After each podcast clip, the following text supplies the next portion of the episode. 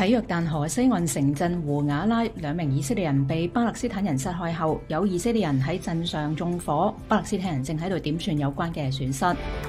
尼日利亚当局喺星期日公布总统大选嘅初步结果，正式结果预计要多日之后先宣布。部分嘅投票站因为各种原因曾经被暂停投票。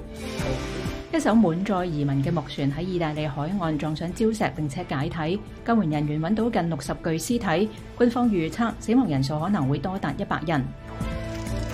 數以千計嘅墨西哥人聚集喺首都嘅憲法廣場抗議總統主導嘅選舉改革，認為改革係威脅民主同埋政治倒退。